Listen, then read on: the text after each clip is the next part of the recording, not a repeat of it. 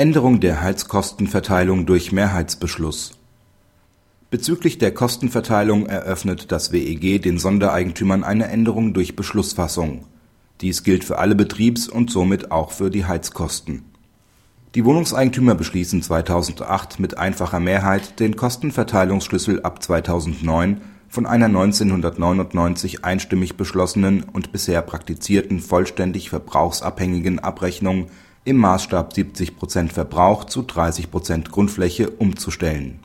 Der BGH weist zunächst darauf hin, dass die Einschränkung der Gemeinschaftsordnung hinsichtlich der weiteren Erschwernisse der Beschlussfassung im Hinblick auf § 16 Absatz 5 WEG unwirksam ist. Auch muss der Beschluss aus 1999 nicht einstimmig aufgehoben werden, weil dies letztlich ebenfalls eine unzulässige Beschränkung der in § 16 Absatz 3 WEG erteilten Beschlusskompetenz darstellen würde der Beschluss widerspricht auch nicht dem bis Ende 2008 geltenden § 6 Absatz 4 Satz 2 Nr. 1 Heizkostenverordnung, der eine Änderung des Kostenverteilungsschlüssels nur innerhalb von drei Jahren seit Begründung ermöglicht. Denn mit der seit 2009 geltenden neuen Heizkostenverordnung ist diese Regelung nicht mehr anwendbar.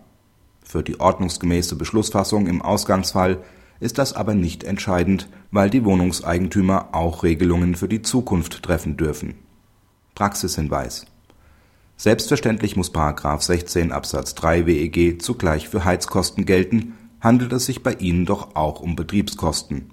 Bezüglich der Änderung des Verteilungsschlüssels muss, wie auch der BGH betont, ein sachlicher Grund vorliegen.